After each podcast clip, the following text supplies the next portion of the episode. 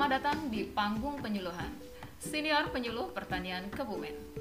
Sahabat Tani, kali ini saya sedang bersama uh, Sekretaris Dinas Pertanian dan Pangan Kabupaten Kebumen, beliau Ibu Purnawati, SPMSI atau yang lebih uh, lebih akrab lagi disapa dengan Bu Ipung ya betul ya Bu Ipung ya? kita punya nama udara dong. Oh gitu. Nama nah, udaranya siapa Bu nih ya Bu Ipung itu. Oh Bu Ipung itu nama udara. Oke okay lah.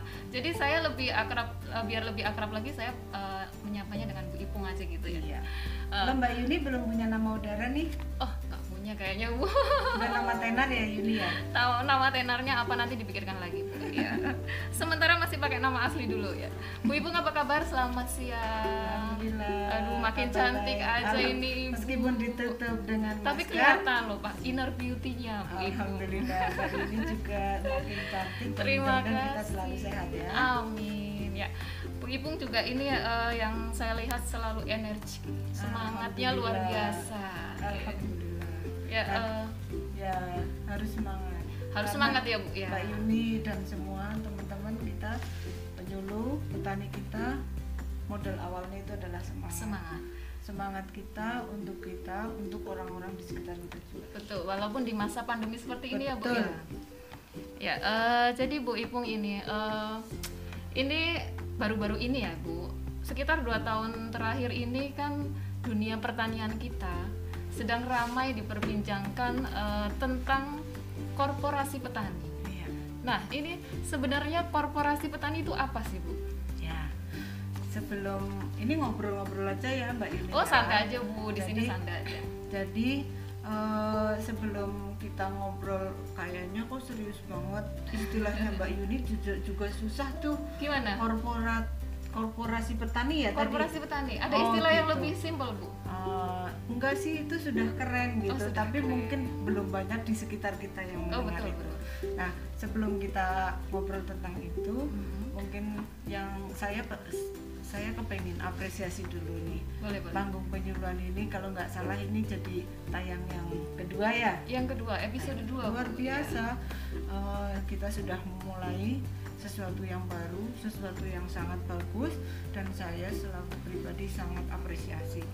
Ini saya melihat ini adalah uh, salah satu wujud kita untuk membangun pertanian kita, membangkitkan semangat penyuluh kita utamanya dan juga nyalek nih sahabat-sahabat petani kita juga Tuh. sahabat muda petani kita sahabat muda petani luar biasa saya sangat apresiasi dan saya sangat bangga ini harus terus dikembangkan dipertahankan pasti ditingkatkan harus hmm. seperti itu supaya manfaatnya menjadi lebih luas jadi kita bekerja menurut saya Mbak Yuni bukan hanya kita untuk mencetak prestasi. Betul.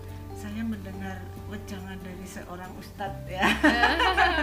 Apa lah bagi sedikit uh, ya. uh, boleh dibagi jadi kita menurut saya kita bekerja itu bukan mengejar prestasi saja tapi ada yang lebih penting juga dari itu adalah kita menanam prasasti.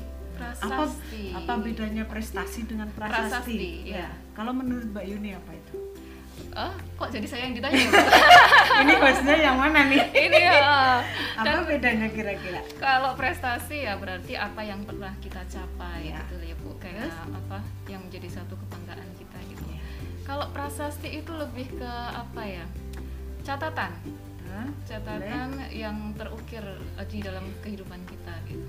Luar biasa. Memang uh. itu di situ, Mbak. Yeah. Jadi kalau prestasi kita capai dan mungkin kita dilupakan tapi kalau prasasti itu kita tanam yeah. kita ukir dan sepanjang masa. Selamanya itu akan diingat selamanya itu akan menjadi prasasti menjadi tanda. Kalau prasasti itu adalah sebuah kebaikan yang kita tanam maka selama man, uh, selama itu masih dimanfaatkan selama itu manfaat kita akan selalu dikenang dan insya Allah kebaikan itu masih mengalir. Masih ada saja ya. Jadi semangat kita seperti kembali lagi saya jawab oh, pertanyaan Mbak Yuni ya. Iya, tadi tentang korporasi apa itu petani. korporasi petani. Ya. Saya nyontek sedikit Mbak. Monggo, Ini sudah silakan. ada Permentan hmm, nomor 18, 18 tahun 2018. 2018. Ya tadi betul yang Mbak Yuni bilang itu sudah sekitar dua tahun, tahun pemerintah itu mencanangkan ini betul. korporasi petani. Jadi uh, pengembangan kawasan pertanian berbasis korporasi, korporasi. petani. Nah, korporasi petani itu sendiri apa? Korporasi petani itu adalah kelembagaan punya petani, kelembagaan ekonomi petani. Jadi boleh bentuknya koperasi hmm. dan juga boleh yang lain kok. Bahkan perusahaan mungkin. Betul CV PT boleh. Boleh. Korporasi berbadan hukum. Berbadan hukum. Iya seperti itu. Uh, tapi jadi catatan nih modalnya harus hmm. sebagian besar itu milik petani-petani. Petani. Oh, berarti dari petani untuk petani Betul, gitu ya. Itu. Jadi kita uh, menuju ke sana, Mbak, harus ke sana lagi. Jadi kelembagaan petani kita sekarang khususnya di Kebumen ya, Mbak ya. Hmm. Kita ada poktan, poktan, poktan banyak. Ya. Gapotan, gapotan juga banyak. Oh, ya. Inilah yang sebenarnya oleh pemerintah kita itu mau ditingkatkan, mau dioptimalkan sehingga nanti sampai pada saatnya membentuk yang namanya korporasi, korporasi. petani. Gitu. Jadi tidak hanya sekedar perkumpulan Betul. petani. Kalau selama ini kan kita tahunya kelembagaan petani ya. Kayak kelompok sosial ya, padahal harusnya beda gitu. bu, mbak. Jadi iya. selama ini Poktan itu hampir sama kayak kelompok sosial sama aja cuma padahal kumpul, berbeda orang gitu kelompok gitu ya, tani itu dan ini yang ditegaskan dalam kooperasi itu bukan kelompok sosial di ya. dalamnya boleh ada aktivitas itu juga hmm. tetapi utamanya titik beratnya adalah ini lembaga ekonomi, ekonomi. KEP itu tadi ya bu ya kelembagaan ekonomi, ekonomi petani, petani. ya betul jadi uh, pada intinya adalah yang namanya korporasi petani itu se, uh, kelembagaan petani yang berbadan hukum tentunya ya. Iya. berbadan hukum dan uh, dengan prinsip seperti koperasi tadi ya iya. dari petani untuk nah ini untuk permodalan itu kan harusnya tadi lewat eh, dari petani itu sendiri. Iya sebagai nah, besar modalnya harus punya petani. nah ini ini gimana nih bu? Nanti caranya kalau petani itu kan biasanya kita tahu ya kalau petani itu untuk permodalan biasanya itu jadi satu kendala yang utama. Ya. itu gimana? Itu solusinya gimana? Uh, balik sedikit sedikit cerita lagi. Oh, iya. jadi nanti korporasi petani ini kelembagaan ini pada saatnya itu menjadi satu dengan kawasan pertaniannya. Kawasan. Kawasan pertaniannya. Jadi kita mengembangkan lembaganya ini nanti tidak bisa lepas dari kawasan kawasan, kawasan pertanian. Uh, nah modal memang menjadi salah satu ini salah satu kata katakanlah kalau di sekarang uh, Mbak Yuni bilang itu menjadi kendala, kendala. sebenarnya itu insya Allah akan bisa akan bisa kita atasi seperti itu. Modal yang ditawarkan sangat banyak mbak sebenarnya. Mm -hmm. Banyak kur-kur itu Dari juga kur banyak. ya, iya. kur terus kemudian kita punya apa itu kemarin ya namanya? Uh, uap ya? Oh uap ya betul buat ya uap terus juga yang lainnya lah. Itu aku yakin itu masih bisa dioptimalkan. Tetapi itulah tadi uh, meskipun mbak Yuni nggak tak jawab nih tak sampaikan. Jadi kenapa harus dalam korporasi ini petani ini? Selama ini usaha petani kita itu korporasi itu kan perusahaan menjadi ya, perusahaan yang menjadi lebih besar lebih gitu. besar. Sebab selama ini petani kita kan garapnya cuma 30 upin 25 upin 50 upin punya 100 100 itu sudah sudah, sudah luas termasuk, sekali ya. sudah termasuk bahkan sekali. Padahal itu masih kecil juga gitu. Petani kita menjadi sangat repot tidak efektif. Garap telung puluh lima upin mikir cari benih sendiri cari modal sendiri. untuk cari benih sendiri nanti sebelum itu ngolah tanah, nyiapin benih hmm. nanti terus uh, sampai sampai akhir perawatan budidaya sampai sampai akhir bahkan sampai pasca panennya kalau ini bisa disatukan mereka dalam satu kita mulai tidak usah dalam skala yang besar. Ada beberapa beberapa sampai satu hektar misalnya. Ada minimal luasannya nggak kalau betul Kar kalau kalau korporasi sesuai aturan pemerintahnya itu kan minimal 5000 hektar. Wow. Iya itu. Banyak ya, kita nggak usah mengiskir segitu dulu, Mbak. Hmm. Nggak hmm. usah segitu dulu. Hmm. Pusing nanti. Jadi kita mulai saja Dari karena kita tahu kan, kan Mbak Yudi penyuluh yeah. juga nanti ada teman-teman itu mulai saja yang deket-deket-deket ini. Nempel-nempel sawahnya deketan. Yang Ayo. satu hamparan gitu ya, ya? Betul satu hamparan. Mungkin satu hamparan seluruhnya juga belum bisa. Mm -hmm. kita ngajak petani beberapa saja beberapa itu dulu. Saja dulu.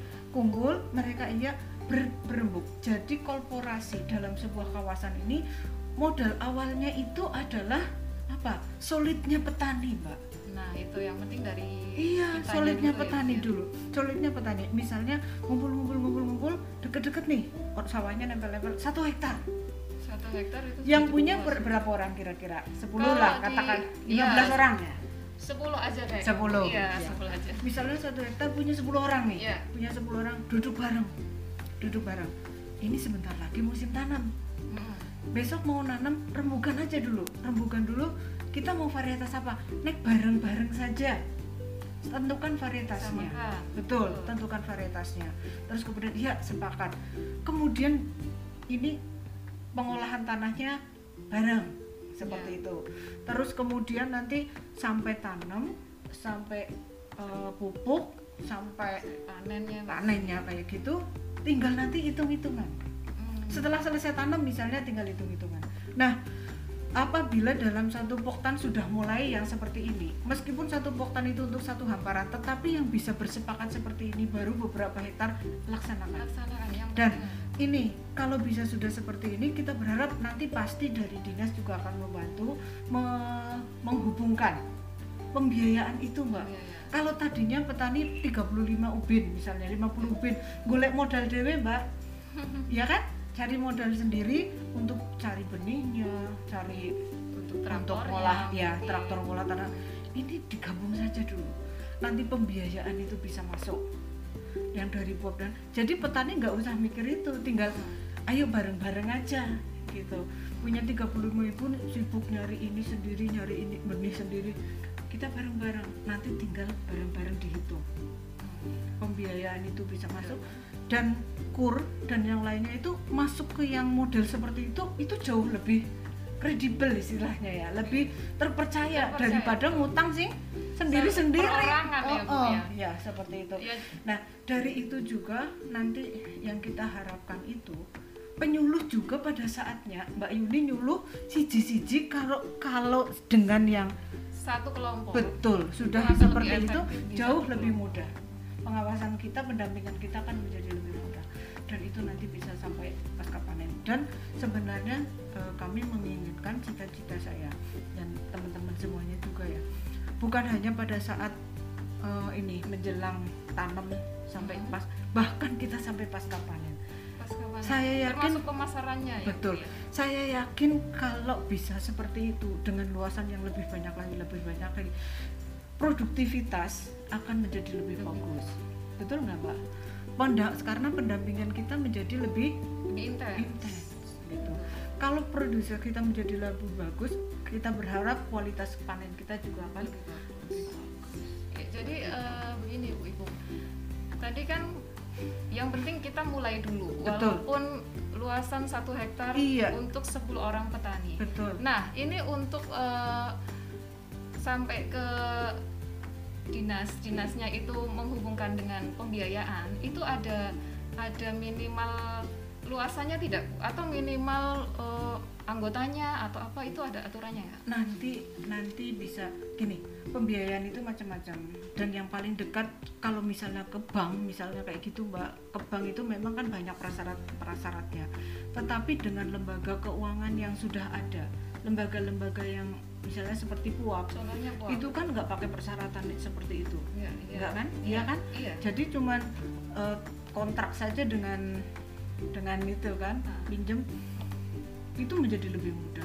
Berarti bisa ya bisa nanti uh, dalam satu kelompok. Kalau selama ini kan puap itu masuknya ke gapok tani ya iya.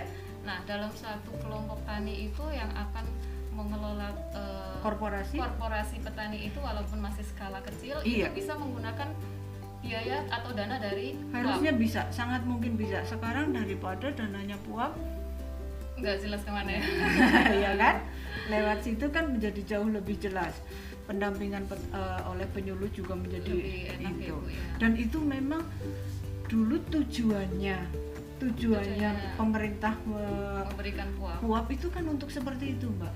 Biar berkembang ya, iya ya, bahkan kalau bisa nanti berjalan seperti itu ibaratnya ya petani yang hanya tadi punya 25 ubi 30 itu ibaratnya sudah ikut kumpul saja bareng-bareng sepakat nanti sesekali ikut monitoring tak kayak istilah kita monitoring nanti sebenarnya itu ikut lihat gimana tanam gitu. nanti sudah tahu panen saya nanti tinggal ngikutin kalau 20 pun ikut apa oh pembiayaannya jadi segini berarti saya terimanya nanti segini gitu. jadi semacam ikut saham mbak Iya betul berarti seperti menanam saham gitu betul. ya Betul. Kita berharapnya seperti itu karena ini sudah dikelola dengan skala yang lebih besar ya kira-kira uh, jika petani mengikuti uh, sistem korporasi petani seperti ini lebih menguntungkan atau atau dia lebih menguntungkan jika mengolah sendiri? menurut Mbak Yuni. Kalau menurut saya kalau tadi sistemnya itu menanam saham itu pasti kan lebih menguntungkan karena nggak mungkin ada orang mau menanam saham kalau itu nggak tidak menguntungkan. Betul. Ya dan itulah uh, sebenarnya kita ingin seperti itu kalau itu sudah ya sedikit lah kita. Seluruh penyuluh kami berharap di WKPP-nya bisa menerapkan seperti itu. Meskipun bu, belum luas yang mencapai puluh-puluhan hektar. 5000 hektar ya seratusan hektar seperti itulah. Dicoba saja dengan beberapa hektar itu. Harus dimulai seperti itu karena uh, menurut saya ini adalah apa ya kita coba cara baru. Karena cara yang lama selama ini kita pakai gitu. ya produktivitas kita juga belum meningkat gitu kan? Uh. petani kita juga belum jadi lebih sejahtera selama ini. Kenapa kita nggak pakai cara yang baru kita nggak dilarang kok. Nggak ya, ada salahnya daripada kita yang kemarin sudah nggak ada hasil maaf ya kurang berhasil kayak gini tapi kita tetap saja jalan seperti itu. Kenapa kita coba? Kenapa diulangi lagi? Kenapa diulangi lagi? Gitu? kenapa gitu? tidak coba yang cari baru? jalan lain gitu ya bu ya? Tidak dilarang. Ya. harus kita mudah-mudahan ini nanti bisa jadi uh, terobosan baru ya bu di iya. dunia pertanian kita khususnya di Kabupaten Kebumen agar petani kita bisa lebih maju lebih sejahtera tentunya ya Bu ya. Amin. Kemudian ini untuk korporasi petani. Uh, tadi sih sudah diungkapkan ya. Bu Ipung sudah mengatakan bahwa korporasi petani kalau saya simpulkan itu menguntungkan ya. Tapi ada nggak manfaat lain selain menguntungkan petani itu sendiri? Uh, kalau kembali lagi keuntungan yang diperoleh selain satu petani itu nanti produk satu produktivitas diharapkan di situ meningkat. Kelembagaan petaninya, kelembagaan petani tadi menjadi lebih solid, lebih solid dan menjadi aktivitas di sana menjadi lebih meningkat. Kembali lagi itu nantinya pasti akan kesejahteraan petaninya yang lebih baik. Terus begini Mbak, tadi itu apabila petani-petani dengan lahan yang sempit-sempit itu sudah bisa berkumpul gitu ya bersolid berkoordinasi dengan solid uh, konsolidasi dengan baik maka saya yakin mereka punya waktu yang lain punya waktu yang lebih dan mereka bisa kerjakan yang lain mbak hmm. bisa ber seperti tadi uh, misalnya saya tadi sudah saya sudah pokoknya saya ikut aja bersepakat kita saja dengan oh, oh uh. benihnya segini kalau untuk pasti teman-teman itu petani itu sudah sangat hafal sawah saya biasanya butuh benihnya Berapa? pasti penyuluh juga teman penyuluh kita juga sudah hafal dengan yang seperti itu gitu. Jadi kalau traktor biayanya segini nanti pupuk dan seterusnya itu semuanya bisa kok dihitung dan petani sudah biasa. Hanya pada akhirnya uh, apabila ini tadi sudah uh, korporat yang semakin besar itu al cintanya turunnya gampang mbak oh dari untuk bantuan pemerintah juga lebih iya, enak ya bu ya? Sekarang ya dikasih traktor mobil itu gimana? Orang sebentar mentok begitu ya, iya, ya mentok-mentok karena luasan yang sempit. Nah tadi ya uh, keuntungan yang lain itu punya waktu yang lebih, yang lebih. bisa memanfaatkan untuk yang lain.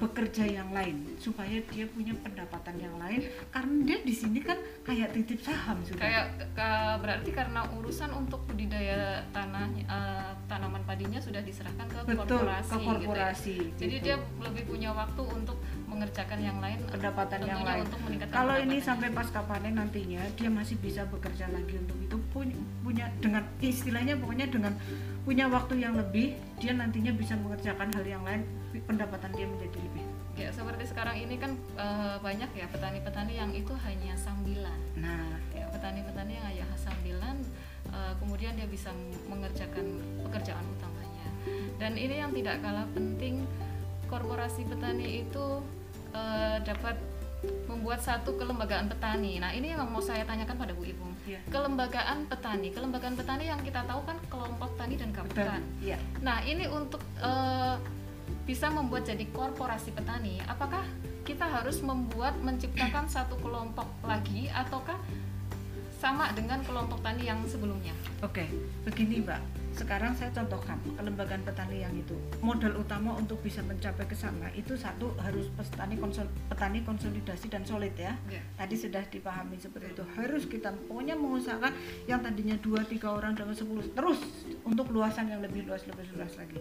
Nah kalau bentuknya itu koperasi koperasi maka Mbak, karena penyuluh Mbak Yuni dan teman-teman itu menyuluh basicnya itu di mana? Poktan kan? Poktan. Nah poktan itu kalau mau jadi koperasi maka dia koperasi primer.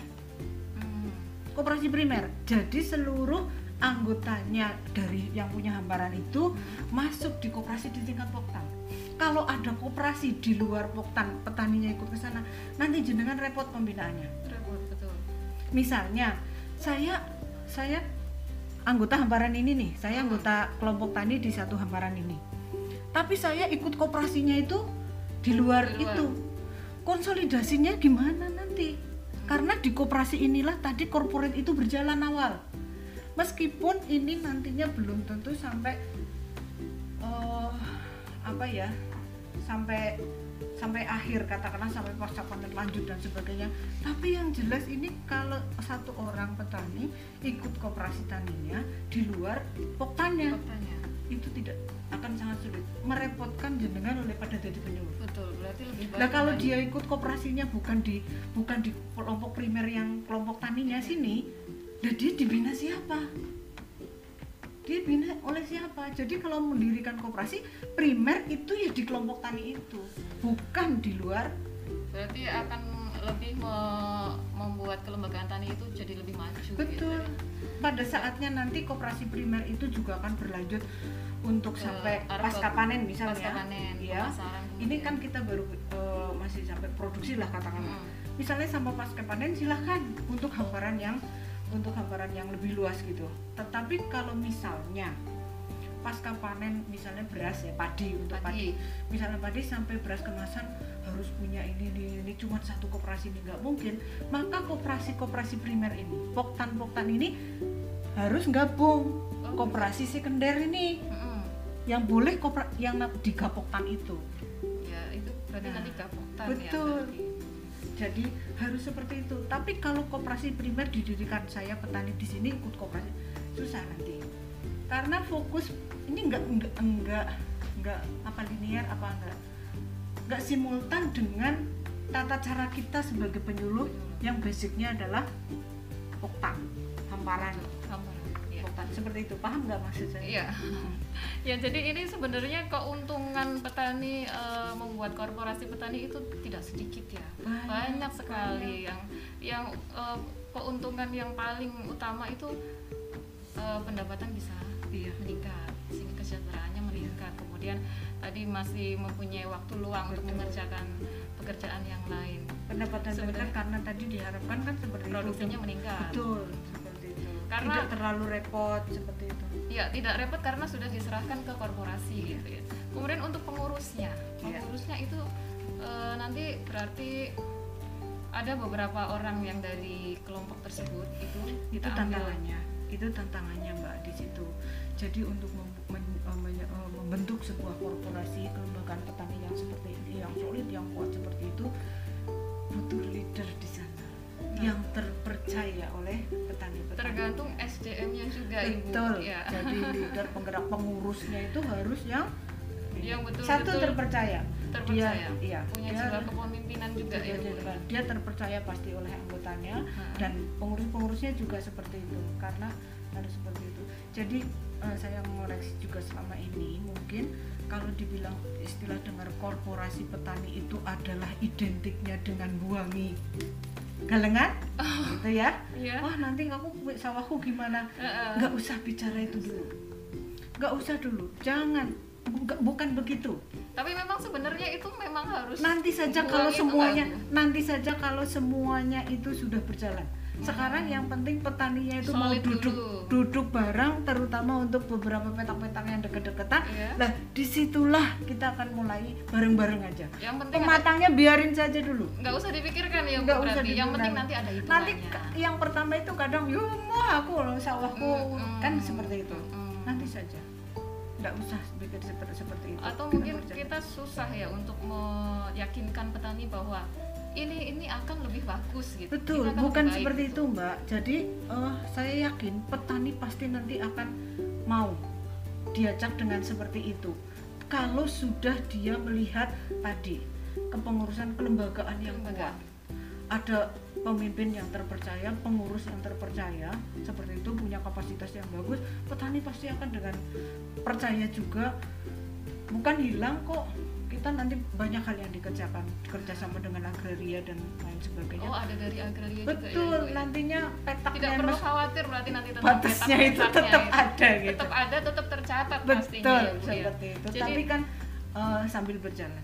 Ya kalau begini kan saya jadi sebagai penyuluh pertanian mm -hmm. sudah punya pencerahan ibu. Nantinya yeah. kalau saya nanti terjun ke lapangan gitu uh, ke kelompok tani, saya bisa meyakinkan petani bahwa dengan korporasi petani ini uh, banyak sekali untungnya. Dan tidak perlu khawatir tentang petak-petak tanah tadi itu ya bu ya. Jadi yang saya minta teman-teman penyuluh di saat mau mulai mengkonsolidasikan petani jangan sekali-sekali menyampaikan yang pertama itu adalah kita bongkari galengan. Salah nanti itu langsung ditolak semuanya. Langsung Padahal, langsung di pikirannya langsung aduh tanahku nanti gimana gitu bukan ya. seperti itu. Jadi eh, modal utama itu adalah konsolidasi dan solid solidnya. Gitu kayak gitu saja tadi modelnya uh, bareng-bareng bareng kayak gitu. Wah orang modal nanti bisa modal awalnya itu saja dulu. Kan gitu ya kita ini ngobrolnya sampai lama ya Berapa oh iya. jam toh ini aduh karena seru sekali nih bu. Sebenarnya banyak, habis ya waktunya ya? Banyak sekali sebenarnya yang kepengen saya tanyakan lagi kepada masternya beliau ibu ipung tapi uh, Tadi ternyata nggak dikasih tahu berapa kita waktunya? Waktu kita terbatas kayaknya ini. Jadi Lewat mungkin bisa disambung lagi disambung lagi lain, lain kesempatan waktu, ya. lain kesempatan okay. karena ternyata ngobrol bersama beliau itu sangat mengasyikan dan seru. Aku ya. aja yang seru kali ya tapi ini ibu-ibu juga uh, sepertinya berbakat jadi penyiar sih katanya cerita ya ini hostnya siapa narasumbernya siapa ya ya tapi tadi malah terjadi interaksi ya, ya jadi aktif bu ya Uh, jadi terima kasih untuk kehadiran Ibu Sekretaris Dinas Pertanian dan Pangan Kabupaten Kebumen. Terima kasih sudah meluangkan waktunya Sama-sama. sehingga kita bisa uh, memberikan informasi-informasi tentang uh, korporasi petani ya. Terima kasih saya ucapkan dan untuk petani-petani di Indonesia pada umumnya dan petani di kabupaten pada khususnya, saya ada pesan sedikit ini. Kami maksud saya bukan saya. Mari satukan pikiran, kuatkan tekad, rangkul petani di sekeliling kita untuk bersama-sama melangkahkan kaki ke sawah melakukan teknik budidaya untuk mengejar harapan bersama, memakmurkan kehidupan bangsa demi meraih tujuan mulia, mencukupi kebutuhan pangan Indonesia. Petani Indonesia harus maju, sejahtera, dan bahagia. Penyuluh Pertanian Kebumen, aktif, inovatif, kreatif. Saya Yuni Miarsi, terima kasih dan sampai jumpa. Sampai jumpa, terima kasih.